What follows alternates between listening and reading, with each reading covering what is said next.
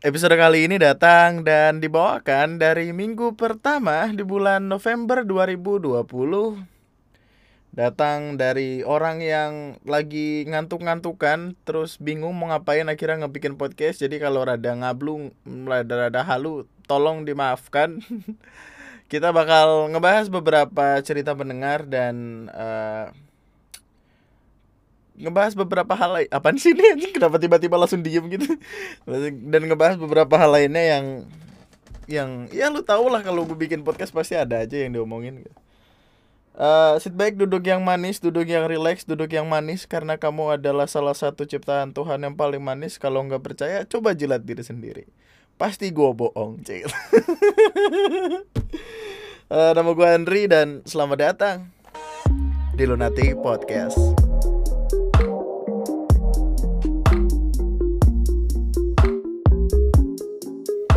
Eh, gue gue mau cerita deh. Masa ya setiap setiap kali ini setiap kali gue duduk sekarang duduk duduk kayak lebih dari 8 jam deh itu tuh punggung gue langsung sakit aja gue nggak tahu kenapa men kayak umur tuh bener-bener gak bisa bohong gue mau bingung. Dan perkara tidur gue juga makin gila gue nggak sadar gue nggak beres. Uh, kemarin itu gue bangun I don't know jam jam 8 kemarin gue bangun jam 8 terus gua ya katakanlah ngetik-ngetik mulai-mulai bikin video bikin proyekan dan lain sebagainya. Terus uh, siangnya gua ngantuk. Eh enggak enggak enggak enggak enggak bentar bentar. Jadi sebelum sebelum kemarin apa sih kemarin yang kemarin? Kemarin lusa lusa kemarin alah itu tuh gue tidur uh, tidur jam tidur sore lah tidur sore terus bangun jam kayak jam sembilanan gitu kan terus gue bangun sampai jam 5 jam 5 gue bangun sampai eh gue tidur tiba-tiba bangun nih jam 8 karena kebelet boker. Waktu kebelet boker itu gue nggak bisa tidur lagi. Yaudah gue uh, bikin-bikin apalah gitu di YouTube gitu. Ya di YouTube bikin-bikin video segala macem gitu. Nah terus gue ngantuk nih. Gue kira ah gue pengen tidur siang. Ah jam setengah satu. Gue bikin alarm dong Oke Google bangunkan saya jam eh satu setengah jam dari sekarang. Alarmnya nyala, gua hanya nggak nyala. Terus tiba-tiba waktu gua ngelihat jam bangun-bangun jam 8 malam. Nah, itu tuh barusan banget tadi tuh. Jadi gua jam 8 malam tadi baru bangun. Terus gua kayak yang semalaman uh, ngebikin-bikin skrip, nyari-nyari ide segala macem. Terus saya kira gua masih bangun sampai jam jam segini dan gue nggak tahu mau ngapain gitu akhirnya tercetus lah ide ya udah bikin podcast aja gitu. Terus gue sadar kayak punggung gue tuh sakit batu kayak man umur tuh kayak bisa bohong. Mau se segimanapun lu berusaha menyembunyikan umur lu kayak penyakit penyakit itu tidaklah tidaklah bohong gitu. Gue kayaknya asam urat atau gimana? Nih entah gue kayaknya mesti banyak olahraga atau banyak banyak urut gue nggak tahu gue juga tidur kayak ngorok mulu gitu dan apa uh, ngorok itu tanda tanda tubuh tuh sedang tidak benar gitu. Gue sempat bilang kan waktu itu kayak tidur yang benar adalah tidur yang bangun-bangun seger. Terus gue pikir kayak mana ada orang bangun tidur seger? Gitu. Terus gue baca-baca artikel nyari-nyari tahu segala macem ternyata emang gue hanya aja yang salah dalam hidup. Terus gue bingung gitu kok bisa ternyata ya emang mau segi gimana pun lu menyembunyiin uh, apa menampik fakta bahwa lu udah tua lu bakal ya tetap kerasa tua-tua juga gitu. Gue gue jadi jadi salut gitu sama mak gue atau kakek nenek gue di kampung yang kayaknya mereka udah tua tapi kayak masih semangat banget. Gue tuh muda tapi badannya tua kayak rematik padahal dulu tuh gue itu loh waktu kecil tuh gue gue nggak pernah sakit. Kayak gue jarang banget sakit bahkan gue nggak inget apakah gue waktu kecil pernah ke rumah sakit atau enggak seinget gue sih enggak karena gue nggak ada nggak ada kenangan pernah disuntik kayaknya. Gue gue suntik kayaknya cuma di sekolah-sekolah doang gitu deh. Dan akhirnya gue trauma karena gue suntik di sekolah gue nangis terus diliatin sama cewek yang gue suka. Itu kayak gue tahu itu trauma yang aneh gitu alasan untuk trauma yang aneh tapi ya namanya juga bocah min. Apa pun yang yang waktu kecil terasa menyedihkan dan menakutkan tuh pasti bakal ke bawah sampai gede. Kayak Ara tuh. Karena kan dia sampai sekarang sampai umur setua ini dia masih takut sama ondel-ondel dan gue pikir kayak apa yang ditakutin dari ondel-ondel gitu. Ternyata dia waktu kecil pernah punya trauma kalau dia itu sempat dikejar-kejar sama ondel-ondel. Terus jatuh ke got semenjak saat itu dia takut sama ondel-ondel. Padahal dia orang Betawi loh. Itu orang Betawi kan deket sama ondel-ondel gitu. Kalau nikah ada ondel-ondel nikahan ketemu ada ondel-ondel. Gitu-gitu kenapa sih? Dan gue jarang sakit ini ngebikin gue uh, apa ya kayak katakanlah kurang bersyukur gitu. Orang yang sehat uh, orang yang sehat terus terusan itu tuh kayak kayak akan lupa bagaimana rasanya sakit sampai akhirnya dia lupa caranya bersyukur. Karena tuh kalau kita sakit kita kayak yang wah nanti gue kalau sembuh gue bakal lebih jaga makan deh biar enak gitu. Terus kayak yang aduh gue gara-gara sakit gue nggak bisa main jauh-jauh nih. Enakan sembuh gitu. Kan pasti ada ada perasaan bersyukur uh, ketika kita sakit gitu. Kayak kita gimana sih ngomongnya ya? Eh, kita lebih kita akan punya rasa bersyukur untuk sembuh ketika kita sedang sakit. Nah dan gua jarang sekali untuk sakit. Gua gua nggak tahu kenapa apa mungkin apa mungkin karena silsilah keluarga gua atau gimana. Karena kakung sama mbok e gua dulu sempat ngomong le uh, keluarga kamu ini keluarga yang besar di pedalaman gitu. Menurutnya kayak emang hidup dan besar di pedalaman. Jadi ngerti gimana caranya survive gitu. Jadi sakit-sakitan itu kayak kayak kebal dari sakit lah gitu. Dan gue pikir kayak oh ya udah mungkin itu berkat dari Tuhan gitu. Terus tiba-tiba waktu umur sekarang gue bersin tiba-tiba punggung gue sakit ini sepertinya kakung dan boe salah. Atau gue yang udah salah gitu. Salah dalam pola hidup. Gue mulai beli-beli buah loh aja kayak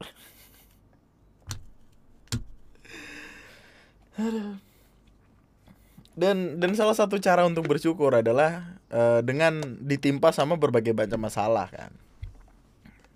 Gue pernah ngalamin banyak banget hal-hal yang ngebikin gue kayak wah saya bersyukur telah hidup di dunia gitu gitu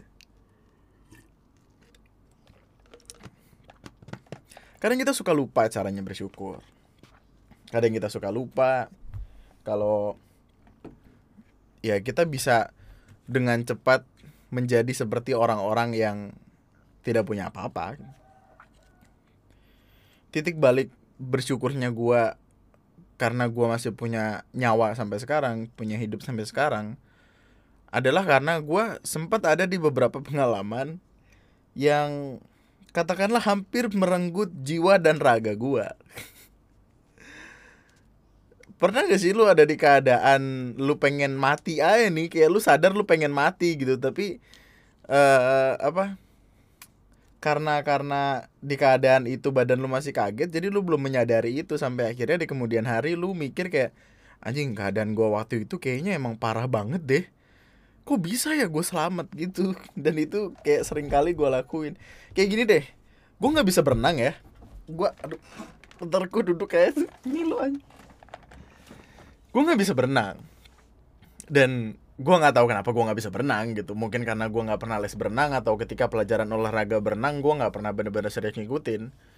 Uh, eh, gue juga berenang cuma berapa kali sih. SD itu gue gue SD di Jakarta gitu. Di di sebuah sekolah dasar yang mana ya ya tidak ada kurikulum untuk berenang. Terus uh, kan gue dari kelas 5 SD pindah ke Bekasi. Nah, dari kelas 5 SD itu 5 sama 6 itu di Bekasi gue udah dapat pelajaran berenang yang mana sungguh sangat telat meskipun nggak ada kata terlambat untuk belajar tapi buat gue buat ukuran gue waktu itu gue udah terlambat ya. Anjing gue di kelas 5 sama 6 SD loh baru belajar berenang. Dan tidak berhasil tentu saja. Basic-basicnya gue nggak bisa gue bisa ngambang. Kayak kayak tahan napas terus badan lemesin gitu. Ngambang aja udah tahu-tahu tahu-tahu nyampe uh, sungai Nil. Uh, lama-lama tahan napas gue ya satu menit dua menit bisa lah gitu. gue bisa 10 menit pakai tabung oksigen dan uh, eh, SMP juga gue belajar renang. Tapi kayaknya ya entah entah gue nggak nggak terlalu mempelajari itu atau gimana tapi ya udah gue nggak bisa berenang gitu. Karena ketika ketika berenang pun gue ya cuman ngapung-ngapung aja ngambang gitu. Dia diajarin sih diajarin cuma ya namanya namanya basicnya udah nggak dapet ya. Jadi kayak ya udah gue kayak ngambang ngambang. Mentok-mentok kan napak kan kakinya kan. Terus gue mikir kayak anjing kalau misalkan gue di laut kan kagak bisa napak ya. Terus gue pakai kaki kaki apa pakai egrang gitu biar tinggi cek gitu. Dan waktu itu uh, kelas berapa ya? Pokoknya SMP deh. SMP sebelum akhirnya gue pindah-pindahan gue punya teman-teman komplek gitu. Teman-teman komplek yang emang uh, kelakuannya rada random deh. Jadi di dekat di dekat perumahan gue ada danau. Nah danau ini tuh biasa serem karena emang udah pernah ngerenggut beberapa nyawa dan uh, eh gue nggak tahu apakah gue harus ngomong itu atau enggak dan gue juga sebenarnya nggak tahu fakta beneran sih. Tapi banyak banyak yang bilang kalau uh, ada yang sempat tenggelam di sana gitu gitu jangan jangan percaya gue gue gue gue untuk kali ini baru dengar kata orang doang. Tapi intinya uh, ada kemungkinan tenggelam di sana karena ada rumput rumput rumput da danau gitu dasar danau yang uh, kayak ngikat gitu loh. Jadi kan semakin kita nggak bisa berenang kaki kita kan kayak gerak-gerak terus kena rumput tuh jadi kayak keikat gitu loh. Kemudian akhirnya kita kayak ya udah tenggelam gitu. Yang mana itu menyeramkan. Nah suatu hari di sebuah kondisi dunia yang damai temen gue punya ide yang cukup sederhana. Eh berenang yuk di danau.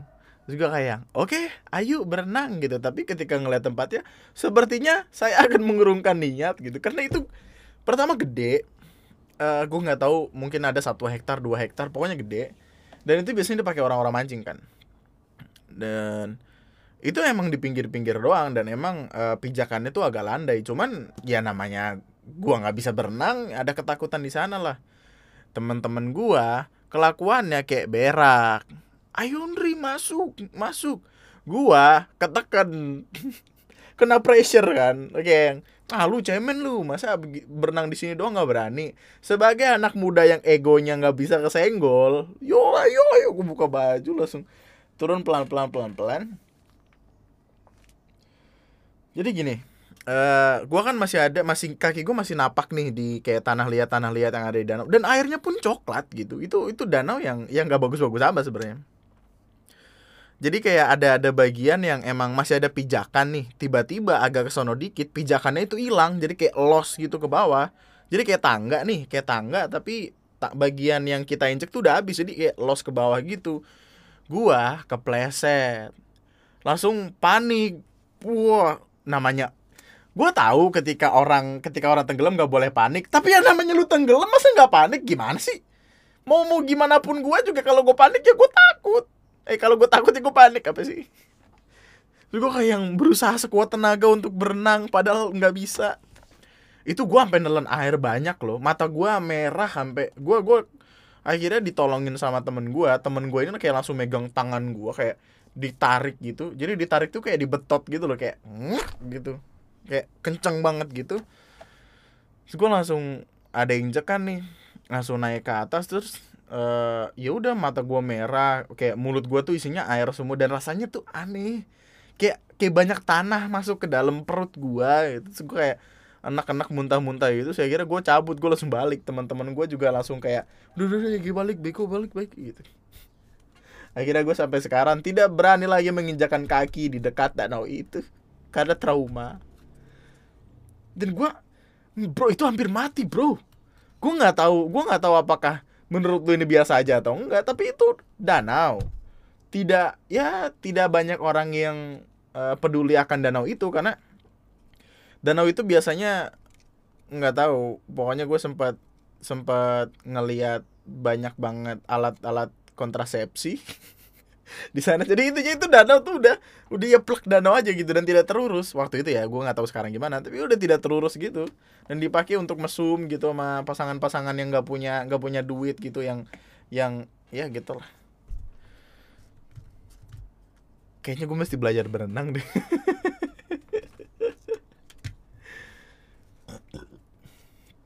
Kalau ada orang yang nanya ke gue kayak uh, ketika nanti kamu dihadapkan pada pilihan uh, jadi istri kamu tenggelam. Eh itu kamu sedang ingin tenggelam. Ibu kamu sedang ingin tenggelam. Kamu akan menyelamatkan siapa? Terus gue kayak yang bro kalau gue nyebur juga gue nggak bakal nyelamatin siapa siapa karena gue bakal mati. Gimana? Gue gak bisa berenang. Ada. Kejadian lain adalah ketika gue uh, pergi ke PIM Pondok Indah Mall jadi kadang ada beberapa mall di Indonesia yang uh, apa ya namanya? Uh, apa sih namanya? Kadang jahat aja gitu sama pengendara motor tuh, kayak diskriminatif. Diskriminatif terhadap pengendara motor karena di PIM tempat parkirnya tuh jauh, men. Jauh banget. Gue nggak tahu apakah gue ngambil jalur parkir yang bener atau enggak, tapi kan di PIM ini ada perempatan nih, perempatan yang uh, pokoknya kalau ambil arah dari eh dari mana ya? Pokoknya ngelewatin PIM, PIM 1, PIM 2 lurus terus, PIM perapatan, ketemu PIM terus masih lurus lagi, itu baru ada parkiran motor di sana dan itu jauh. Jauh. Terus gua waktu itu lagi nongkrong sama teman-teman yang biasa gua ajakin nulis yang kayak sempat collab nulis bareng dan lain-lain gitu. Rame waktu itu rame. Terus akhirnya rada maleman pulang. Terus gua uh, nganterin temen gue balik karena temen gue ini kayak masih ya masih dede dede gemes gitu loh masih bocah gitu terus kayak yang nggak enak kalau dibiarin pulang sendirian akhirnya gue nemenin dia balik kan. Uh, cuma gue nggak tahu nih tempat keluarnya di mana bahkan gue nggak tahu itu pim satu atau dua yang lagi gue yang lagi gue pijak itu pim satu apa dua gue nggak tahu. Karena gue baru pertama kali ke pim waktu itu uh, terus akhirnya gue keluar. Gue nggak tahu apakah gue yang di PIM 1 atau PIM 2 tapi intinya tempat parkir gue eh, itu barisannya ada di PIM satunya. Gue ada di PIM yang pokoknya bukan di deretan uh, tempat parkir. Terus gue pikir kayak anjing gue ditungguin nih. Karena karena temen gue ini si si dede dede gemes ini dia nungguin gue di di pinggir jalan. Gue kalau muter lagi nggak enak karena awalnya mencar kan gue kalau muter lagi nggak enak takut kelamaan. Akhirnya gua dari PIM yang PIM yang tidak dekat oleh tidak dekat dengan parkiran itu mutusin buat uh, jalan. Dan gobloknya gua adalah karena gua nggak tahu itu jalur yang tidak boleh menyeberang gua nyebrang bro jangan ditiru tolong gua tahu gua salah gua tahu gua bego. Tapi itu adalah pertama kali gua gua nggak tahu apa-apa cuman sekarang gua share kalau gua goblok banget gue nyebrang nih nyebrang. Awalnya mah enak aja gitu karena uh, yang yang sisi kanan sisi kanan yang arahnya adalah ke gua gimana ya ngomongnya nyebutnya pokoknya kan jalan kiri kanan nih. Gua gua dari kanan. Gua nyebrang. Yang jalur kanan ini itu aman gitu nggak nggak terlalu banyak mobil. Nah di jalur kiri itu tuh banyak banget mobil motor lewat terus akhirnya gue kayak yang uh, karena gue masih jauh dari parkiran yang ada di sebelah kiri akhirnya gue di tengah-tengah jalan tuh. Di tengah-tengah jalan kan kayak ada pohon-pohon gitu kan kayak tau gak sih trotoar yang emang dasarnya buat pohon aja buat ngebagusin jalan gue nggak tahu juga. Terus uh, eh, gue jalan di tengah-tengah situ karena emang gue pikir kayak oh ya udah gitu it's safe nggak nggak terlalu ada masalah gitu. Nah di trotoar itu kan tinggi ya. Jadi kayak ini jalan-jalan aspal jalan aspal itu kayak ada trotoar yang rada naik gitu kan Nah, gue berdiri di pinggir trotoar itu. Itu cukup tinggi, mungkin 2 atau 3 cm gitu naik ke atas gitu. Jadi kayak tangga jatuhnya. Nah, gue kepleset. Tiba-tiba di belakang gue ada klakson kenceng banget suara busway mati gak tuh. Gue langsung kayak yang dan itu keplesetnya pas banget men. Pas banget pas banget di belakang gue ada busway jadi kayak yang gue kepleset seret gitu terus busway-nya langsung lewat di samping gue itu kalau gue jatuh kagak bakal bikin podcast gue nggak bakal lu dengerin suara gue nggak bakal gue nge YouTube karena zaman itu gue belum belum fokus fokus banget nge YouTube nggak bakal lu ngeliat gue di mana mana itu gue pasti mati men kalau gue jatuh. Well gue nggak tahu sih gue bakal mati atau atau masih hidup cuman luka-luka atau gimana gue nggak tahu. Tapi kayak itu ngeri banget sumpah itu adalah hari terburuk dalam pikiran gue waktu itu gue mikir kayak oh hampir aja gitu. Tapi setelah gue sadarin busway itu dari besi bukan ongol-ongol bukan oncom besi. Itu kalau gue mat hmm, majrek jadi peyek gue jadi rengginang. Semenjak saat itu gue gua gua nggak lagi lagi buat ngelakuin hal-hal bego semacam itu. Kayak nyebrang sembarangan gue ah nyebrang di zebra cross atau di jembatan penyeberangan. Udah fix. No debat apa pun yang terjadi itu. Ikutin aturannya. Itu gua kaki gua waktu itu gemeteran cuy. Kayak gemeteran. Dan itu kan gue tetap maksain buat nyebrang kan. Jadi kayak jalannya udah rada sepi nih terus gue nyebrang gitu. Terus ada ibu-ibu emang lagi jalan pelan karena dia pelan jadi gue berani berani nyebrang. Ini kan jalanan udah mulai rada sepi. Terus gue salahnya adalah gue jalan terlalu lambat kemudian waktu di pertengahan gue lari rada cepat nah ibu-ibunya ini kaget gitu. Astagfirullahaladzim. Mas jangan nyebrang sembarangan. Iya bu maaf. Kepepet. Jangan ditiru jangan ditiru. Kadang gue niatan awal gue ngebikin podcast ini adalah ketika gue ngelakuin sesuatu yang goblok lu jangan ikutan. Dan tolong jangan. Ini kalau bisa gue tunjukin tempatnya di mana gue tunjukin dan intinya tuh di PIM yang pokoknya agak ada sebelah kanan. Dekat parkiran deh pokoknya dekat parkiran motor yang parkirannya beda sendiri. Sebel banget. Itu itu kalau parkirannya di dekat mall atau di dalam mall gue masih gue masih oke okay, it's fine gak ada masalah gitu. Kenapa jauh banget? Udah mah kamar mandinya pakai marmer orang samping gue kelihatan. Gue ngeliatin bawah samping kelihatan segala macam bentuk. Nggak jadi keinget uh, gue eh gue pikir itu aja lah ya. Aneh banget. Gue kayak punya beberapa cerita lain tapi kayak nanti kelamaan ya well gue tahu lu kadang suka dengerin gue lama-lama tapi eh satu lagi deh. Jadi gue sempat kerja di warehouse salah satu perusahaan ternama salah satu tempat uh, berbelanja ternama tapi gue di warehouse di gudangnya gitu. Dan itu tuh ya panjang lagi. Duduklah anteng. Jadi uh, ini adalah salah satu tempat gua kerja yang paling gua tidak sukain gitu meskipun gue belajar banyak dari tempat ini. Jadi tempat ini tuh emang kayak apa ya gue purely jadi buruh aja karena bayarnya per hari harian gitu emang di akumulasi kemudian dibayar uh, setiap bulan. Tapi gue sehari itu cuma dapat tujuh puluh lima ribu. Sehari tujuh puluh lima ribu uang lembur sepuluh ribu per jam nggak dapat makan nggak dapat transport kerjaannya nggak ngangkatin barang segala macam gue pikir it's fine. Waktu itu gue belum belum pernah kerja sama sekali lulusan SMK ya apa yang mau diharap? Duit aja gitu buat apa toh itu juga buat batu loncatan gitu. Nah kerjanya di situ kan emang bener-bener ngangkat ngangkatin barang ya. Kayak porter aja gitu. Jadi gue ngangkatin barang dari dari dari kontainer ke dalam disusun di gudang kontainer gudang gitu-gitu kan. Orangnya tuh banyak di situ.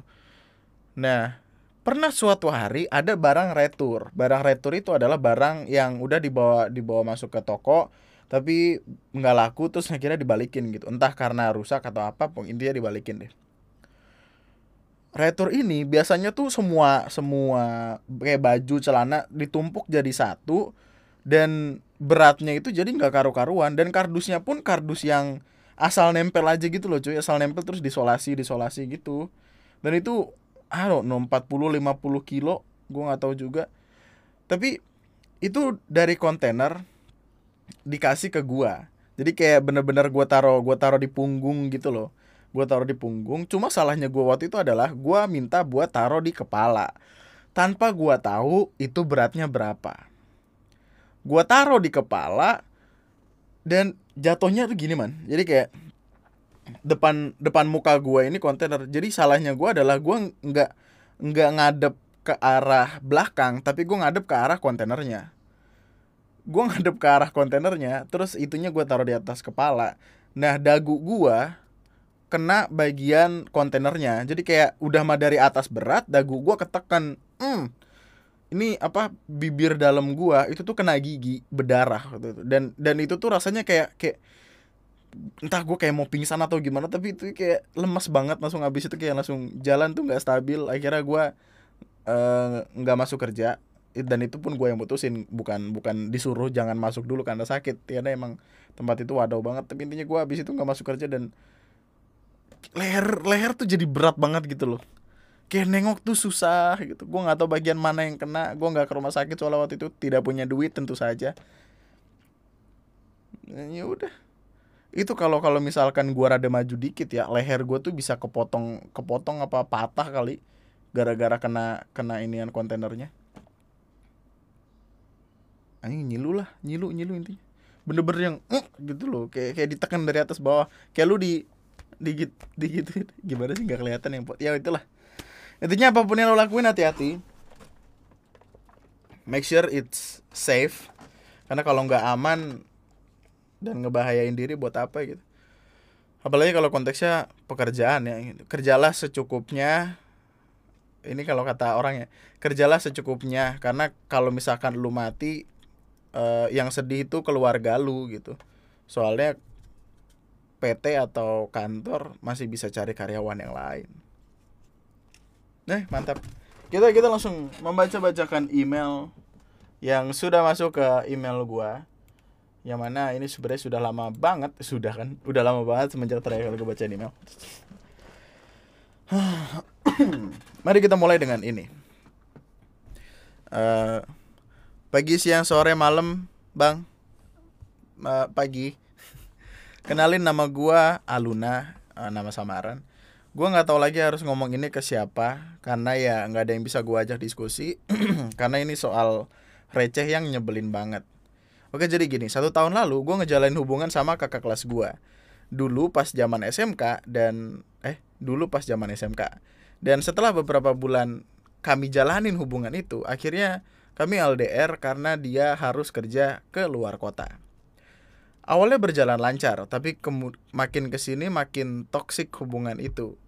Sampai akhirnya gue akhirin semuanya sampai di suatu titik sampai di satu titik semua akun sosmed gue temen gue sampai uh, adik gue diblok sama dia karena alasan tertentu.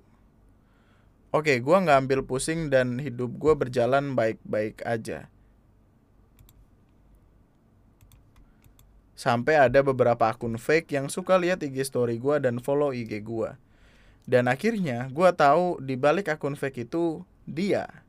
Sebel sebenarnya tapi mau gimana lagi? Kan gue nggak bisa kontrol siapa yang mau mampir di IG gue WK WK dan itu lumayan ganggu gue banget dan tempat kerja gue ada orang yang mirip dia. Even itu cuma bentukan badannya doang. Tapi sumpah itu ganggu banget kenapa harus ada dia lagi? Padahal gue udah bahagia hidup sama hidup gue yang sekarang gue udah punya pacar juga sekarang. Heran kenapa mantan suka datang tiba-tiba padahal gue udah amat sangat move on dari dia. Udah segitu aja curhat gue kalau dibaca. Terima kasih enggak juga nggak apa-apa. Soalnya gue mulai bingung sama siapa gue harus cerita. Kan lu punya pacar. Bisa kalau lu bi eh pacar itu adalah tempat untuk bercerita gitu. Kalau kalau lu nggak cerita ke pacar lu ya pacar lu fungsinya buat apa? Ini pajangan. Taruh di atas taruh di atas TV taruh di bapet samping TV kadang mantan emang brengsek tau. Mantan itu kayak kayak gue dulu sempat bilang mantan kayak uh, kayak kerupuk di atas mangkok bubur ayam. Ngalangin ngalangin kita yang lagi pengen makan enak ngalangin kita yang lagi pengen ngejalanin hubungan sama yang baru. Dan nggak tahu sih kadang emang ya syukur kalau udah sangat amat move on tapi kayaknya mantan lu enggak. Karena emang biasanya kalau cowok tuh nyeselnya belakangan. Kita semua tahu itu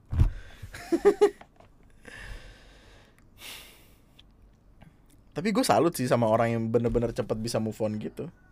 Kayak bro gue bahkan butuh waktu cukup lama gitu sebelum akhirnya gue bener-bener move on. Ya itu mantan lu suruh ini aja ya suruh ikut kursus Bigo Live. Boleh bukan kursus Tinder. Nah ada. Kursus online Tinder satu jam apa tata cara tutorial mendapatkan pacar dalam waktu satu jam. Gokil jadi sehari dia bisa dapat 24 pacar. Gokil.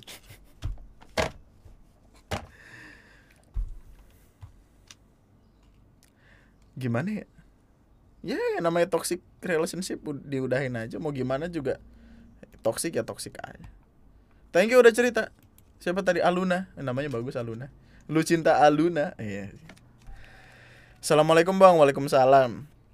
Mau sedikit curhat dan dengan ending menginginkan saran. Tapi sebelum itu, makasih karena udah bikin nanti podcast. Di sana banyak belajar tentang manusia dan rasa. Hehe, thank you. Jadi bang, aku belum pernah pacaran dari lahir sampai sekarang. Teman-teman banyak yang muak dengan kejombloan aku nih. So kadang mereka suka ngenalin aku sama teman-teman mereka. Tapi nggak ada yang klik sama aku aja gitu. Nggak ada yang klik. Mau sekali ah klik. Katanya karena aku terlalu pemilih. Eh katanya karena aku terlalu pemilih sebenarnya aku tipe orang yang susah banget deket sama orang apalagi cowok. Kayak ada kesan takut aja karena suatu alasan. Pas aku klik sama cowok masih nggak enak gue denger pas aku klik sama cowok doi anggap aku sebagai teman atau mungkin sahabat lah. Kalau nggak gitu ya mungkin karena aku yang kesannya malu kalau bicara sama mereka. Jadi kayak nggak mau ngedeket gitu karena ya aku emang belum belum bisa enjoy sama cowok sebelum aku kenal banget sama mereka menurut bang Andri nih aku harus ngapain. Biar dikiranya nggak ganggu jodoh tapi juga eh, biar biar dikiranya nggak nunggu jodoh tapi juga berusaha. Makasih bang. Saran dari bang Andri insya Allah bakal berguna buat aku. Wassalamualaikum. Waalaikumsalam. Apa gimana? Dulu gue gue diem dulu tadi. Uh, milikilah hubungan ketika ketika kamu benar-benar siap untuk berada di dalam hubungan itu Memaksakan apa pun tidak akan baik. Memaksakan berada di hubungan ketika tidak benar-benar siap sangat amat tidak baik. Apalagi sama orang yang belum benar-benar kita kenal. Sebenarnya ya kalau misalkan dia mau ngebuka hati dan coba gitu buat ngobrol sama orang sebenarnya bisa gitu dan gue yakin akan bisa sih. Kayak emang emang emang ada beberapa hal yang nggak mungkin di dunia ini gitu tapi punya pacar tuh masihlah kemungkinan yang bisa disemogakan untuk siapa pun kita. Apa sih gue ngomong apa tadi? Biar kesannya nunggu jodoh. Aku belum bisa enjoy. Gue ada saran yang paling sederhana sih. Coba lihat teman-teman lu deh. Kadang-kadang emang kita ngelihat ngelihat sesuatu terlalu jauh ke depan gitu kita nggak kita kadang suka nggak sadar sama apa-apa yang udah ada di samping kita di dekat kita. Kayak itu teman sahabat. Kayak secara diam-diam ternyata lu nggak sadar kalau lu suka sama dia padahal dia udah suka sama lu dari lama gitu. lu caranya teman-teman dekat lu dulu gitu yang sekiranya lu sekiranya lu nyaman sama mereka kemudian ya udah jadian gitu. Atau terbukalah e, maksudnya nggak buka baju ya tolong. Atau terbukalah sama dunia semakin lu ngedalemin beberapa hal yang lu nggak tahu gimana awal mulanya lu bakal ketemu sama beberapa orang yang sangat amat menyukai itu dan bisa ngajarin lu tentang beberapa hal baru itu ke lu dan entah kenapa nantinya lu bakal jatuh cinta sama dia. Atau kalau lu pengen pengen punya pacar cakep lu pergi aja ke ke FTV FTV gitu ke kampung-kampung ke desa-desa gitu. Coba lu cari biasanya ada ada tukang parkir atau atau tukang sayur gitu-gitu cakep-cakep di FTV begitu tuh. Aneh banget. Pacaran lah kalau udah siap. Kalau belum siap ya nggak apa-apa udah tunggu aja. Jodoh nggak mungkin ketukar. Apa-apa yang harusnya apa-apa yang sudah ditakdirkan untukmu tidak mungkin menjadi orang lain eh menjadi milik orang lain. Gua nggak tahu sih ini kebantu apa enggak. Santai aja sih. Jangan jangan pacaran gara-gara teman-teman lu capek ngeliatin lu nggak punya pacar. Apaan sih? Yang ngejalanin lu bukan mereka. Ya udah diemin aja jidat-jidat mereka. Yang penting sukses bro. Lu punya pacar. Eh lu punya pak eh, kalau misalkan lu punya pacar tapi ngebikin lu pusing doang dan nggak bisa ngebantu lu menuju kesuksesan yang lu punya buat apa? Ya mantap. Halo Bang Andri, apa kabar? Nama gue Harun, sebutin aja nggak apa-apa. Kabar gue baik. Enggak sih gue lagi ini asam urat. Gue mau curhat nih bang. Sebelumnya makasih udah mau dengerin. Akhir-akhir ini gue lagi banyak masalah. Entah dari dalam rumah Dari orang lain Dan dari kepribadian gue yang introvert. Masalah terus-terusan datang Yang satu belum beres Ada lagi masalah yang lain. Untungnya Gue masih punya teman yang bisa buat tempat curhat gue Meskipun sebatas lewat chat Karena jarak rumah yang jauh jauh eh, yang jarak rumah yang jauh sama beda tempat kerja yang mana temen gue kena kerja shift. Dulu gue sempet benci kenapa gue nggak bisa humble jadi orang. Canggungan gak betah lama-lama di keramaian ngomong ngomong kebanyakan ngomong banyakan dikit aja suara gue mau habis sampai tiap ngomong gue harus ngeluarin tenaga biar suara gue bisa didengar jelas. Yang mana bikin gue nambah cepet capek Waktu berlalu, gue udah kebal sama omongan teman-teman gue yang bilang gini gitu, yang aneh sampai temen gue bilang pikiran gue mati itu bener-bener nyinggung gue sih, tapi gue cuma bisa diem. Temen-temen lu bilang pikiran lu mati, kenapa? Gue cuma nanem dalam hati gue sebuah quotes kita tidak bisa membuat semua orang menyukai kita obviously kita yang terpenting jadilah diri eh yang yang terpenting jadilah diri sendiri jadi kalau lu nggak suka sama gue ya udah gitu. Gue menja gue menjauh sampai akhirnya gue yang dulu sampai akhirnya yang dulu gue bertahankan akhirnya gue lepas satu persatu. Dan itu berhasil. Gue jadi sedikit tenang dan gak khawatir dikecewain. Tapi sekarang sekarang waktu gue lagi banyak masalah gue bingung mau cerita sama siapa bang. Gue punya cewek sih tapi cewek gue lagi sibuk banget. Tiap ada kesempatan ketemu gitu sayang kalau cuma diisi sambat-sambatan. Selain itu kayaknya gue terjebak zona nyamannya introvert yang kurang bagus dalam bersosialisasi. Tapi di sisi lain gue juga mencoba menerima diri gue sendiri sebagai introvert. Sebagai karyawan pabrik dengan gaji UMR yang setengah gajinya kepake buat bayar cicilan maaf bang curcol. Tolong bang minta pendapatnya gimana caranya keluar dari zona nyaman gue sebagai introvert tetap jadi diri sendiri. Sekali lagi makasih. Emang kenapa? Gue tau gak sih cara pandang gue akan introvert berubah gara-gara gue denger stand upnya uh, Adriano Colby kayak introvert ngaku introvert tuh kayak intel ngaku intel gitu. Itu bagus banget sih ini gue baru sadar. Uh, terima diri lo segimanapun uh, lo nganggap itu aneh. Karena ya itu adalah lu gitu. Lu satu-satunya orang yang seharusnya bisa nerima keadaan diri lu. Ketika orang lain nggak bisa ya lu harusnya bisa dan tidak apa-apa untuk menjadi seperti itu Cuma adaptif itu penting loh. Kalau kita nggak adaptif kita bakal mati, kemakan zaman, kemakan kemakan uh, diri kita sendiri yang nggak tahu bisa ngapa-ngapain atau enggak. Gue sempat punya teman, teman gue ini, gue nggak akan bilang dia introvert tapi intinya dia pendiam parah, eh, nggak uh, bisa ngobrol sama orang. Bahkan ketika dia beli kartu buat HP-nya, kartu SIM baru buat HP-nya, itu itu mesti nemenin gue dia tuh udah di dekat tokonya tuh kayak lama gitu kayak dia muter-muter muter-muter kayak dia mikir mungkin belingga belingga belingga gitu. Sampai akhirnya dia ke rumah gua buat minta ditemenin beli. Dan btw rumah gua sama sama tempat belinya ini kayak gua nggak tahu mungkin 10 15 kilo. Jauh lah intinya jauh. Jauh banget. Dan dia minta tolong gua man temenin gua yuk beliin kartu beli kartu. Gue pengen tahu gimana caranya dan kalau misalkan dia begitu terus sampai dia meninggal itu akan nyulitin apa nyulitin nyusahin dirinya sendiri gitu loh. Sampai akhirnya ya ya waktu itu ya gue bilang ke dia gitu man itu kayaknya yang kayak gini kayak gini lu mesti mesti nyoba buat adaptasi deh sendiri gitu biar biar lu nggak nggak bingung nantinya. Dan akhirnya emang gitu kayak di kebanyakan hal dia akan minta tolong gua atau teman-teman gue yang lain buat ditemenin. Tapi setelah ditemenin itu keesokan harinya dia bakal nyoba sendiri. Temen gue ini dia nggak pernah berani buat ngisi bensin di uh, pom bensin sendirian. Nggak pernah dan nggak berani. Akhirnya waktu itu minta tolong sama temen gue terus ditemenin dan setelah pertama kali ditemenin dan ternyata biasa-biasa aja besoknya dia bakal gitu apa bakal eh, bukan bakal sih besoknya dia udah bisa mandiri sendiri lah. Intinya intinya intinya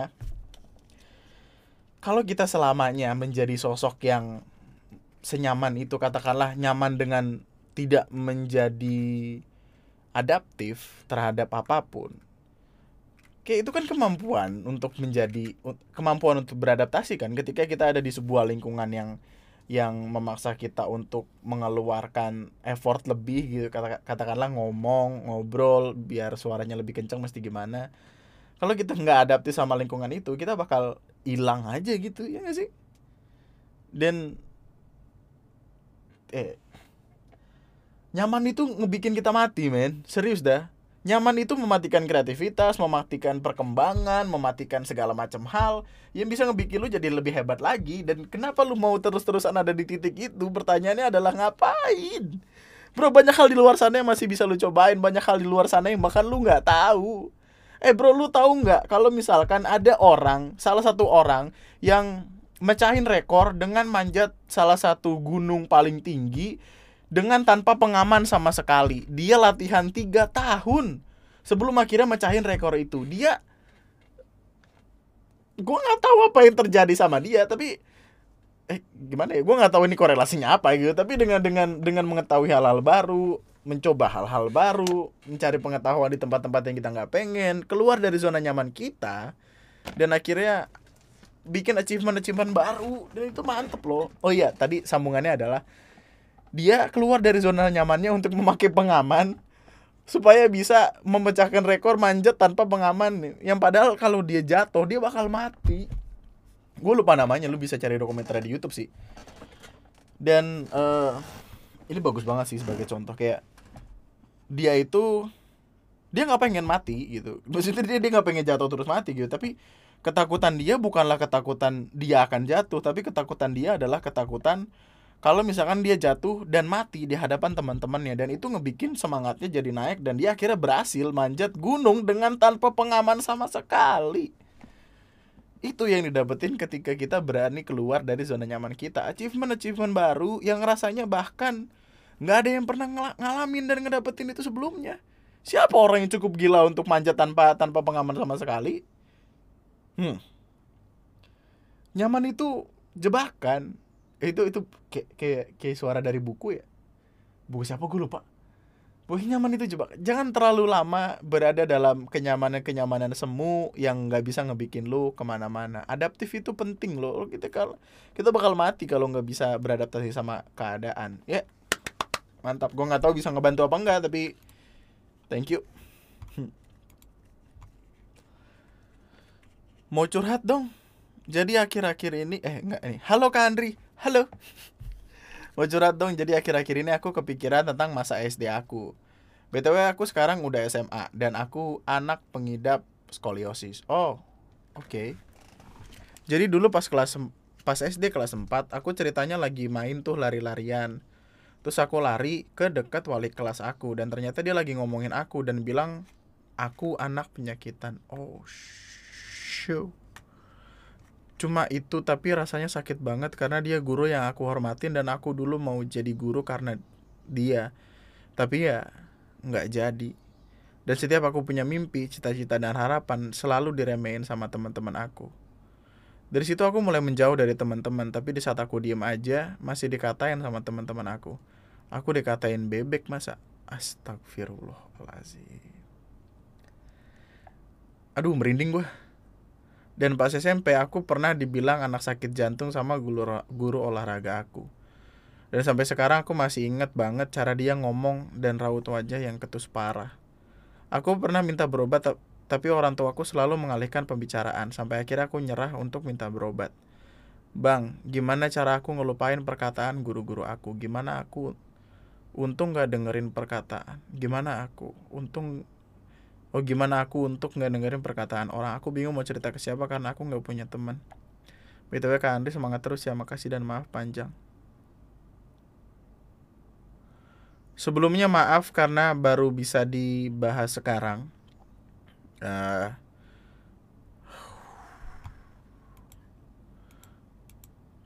gua gua nggak nyangka sih men. Maksudnya panutan yang seharusnya membuat cita-cita kita jadi lebih tinggi menerbangkan cita-cita kita supaya kita bisa jadi lebih hebat lagi. Kenapa justru jadi salah satu oknum oknum ya kita bicara oknum yang malah ngebikin kita berhenti bermimpi gitu. gue suka sama gue suka buat ketemu sama orang-orang yang punya mimpi jauh banget tinggi di atas sana. Karena gue gue bukanlah seorang pemimpi yang hebat. Mimpi gue adalah gue pengen punya uang yang cukup buat keluarga gue tapi ketika ada orang yang mimpinya mungkin jadi dokter, jadi guru, jadi perawat dan segala macam, I really really want that to happen. Gua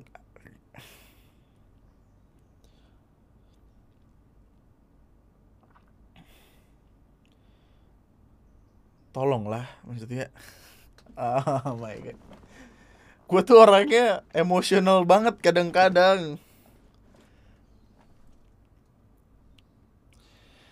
sebelumnya uh, siapa pun yang ngirim email ini gue mau minta maaf karena karena emang banyak orang di luar sana yang yang seenaknya aja gitu. Yang yang yang mulutnya tuh kadang nggak disekolahin meskipun dia udah sekolah.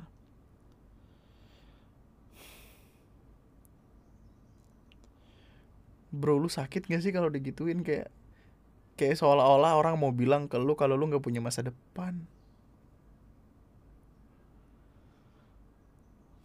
Masa depan kita yang nentuin sih. Cuman gini gue gue bakal gue bakal dengan senang hati uh,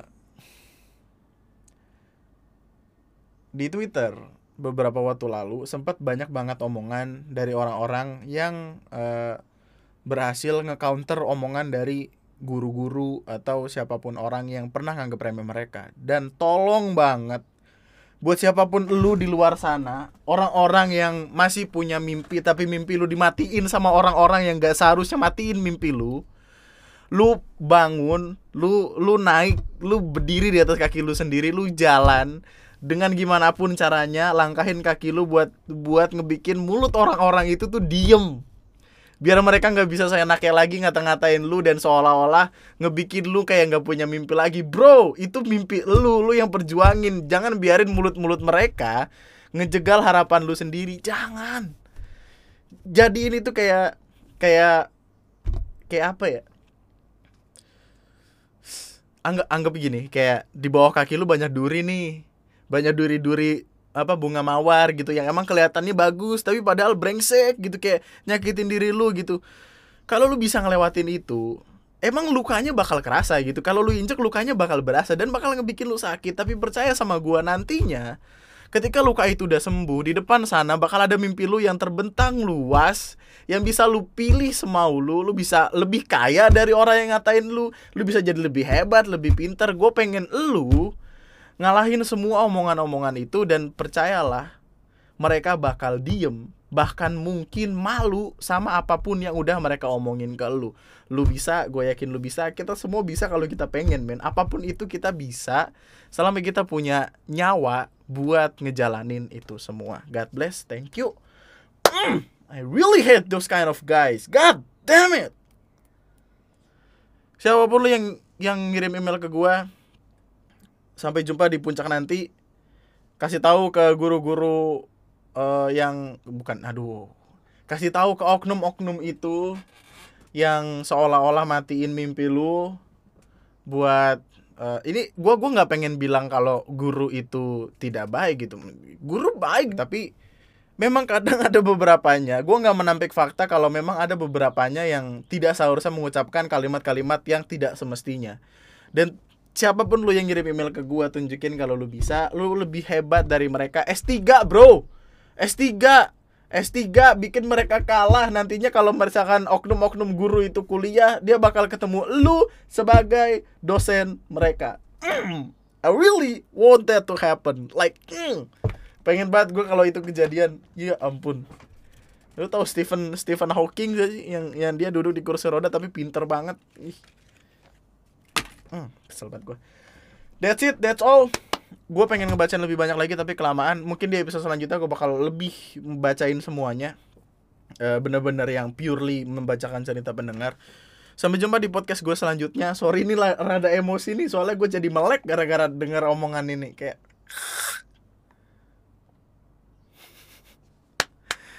uh, subscribe uh, TNM lu nanti Twister lu follow apa di Spotify lu follow sosial media gue subscribe TNM I, you know what to do lah gitu. Maksudnya lu udah kenal gue dari lama lu tahu apa yang mesti lu lakuin. Itu aja buat podcast gue kali ini. Gue kayaknya mesti ganti kacamata kacamata gue patah sialan uh, sampai jumpa di podcast gue selanjutnya. Nama gue Andri sekian dan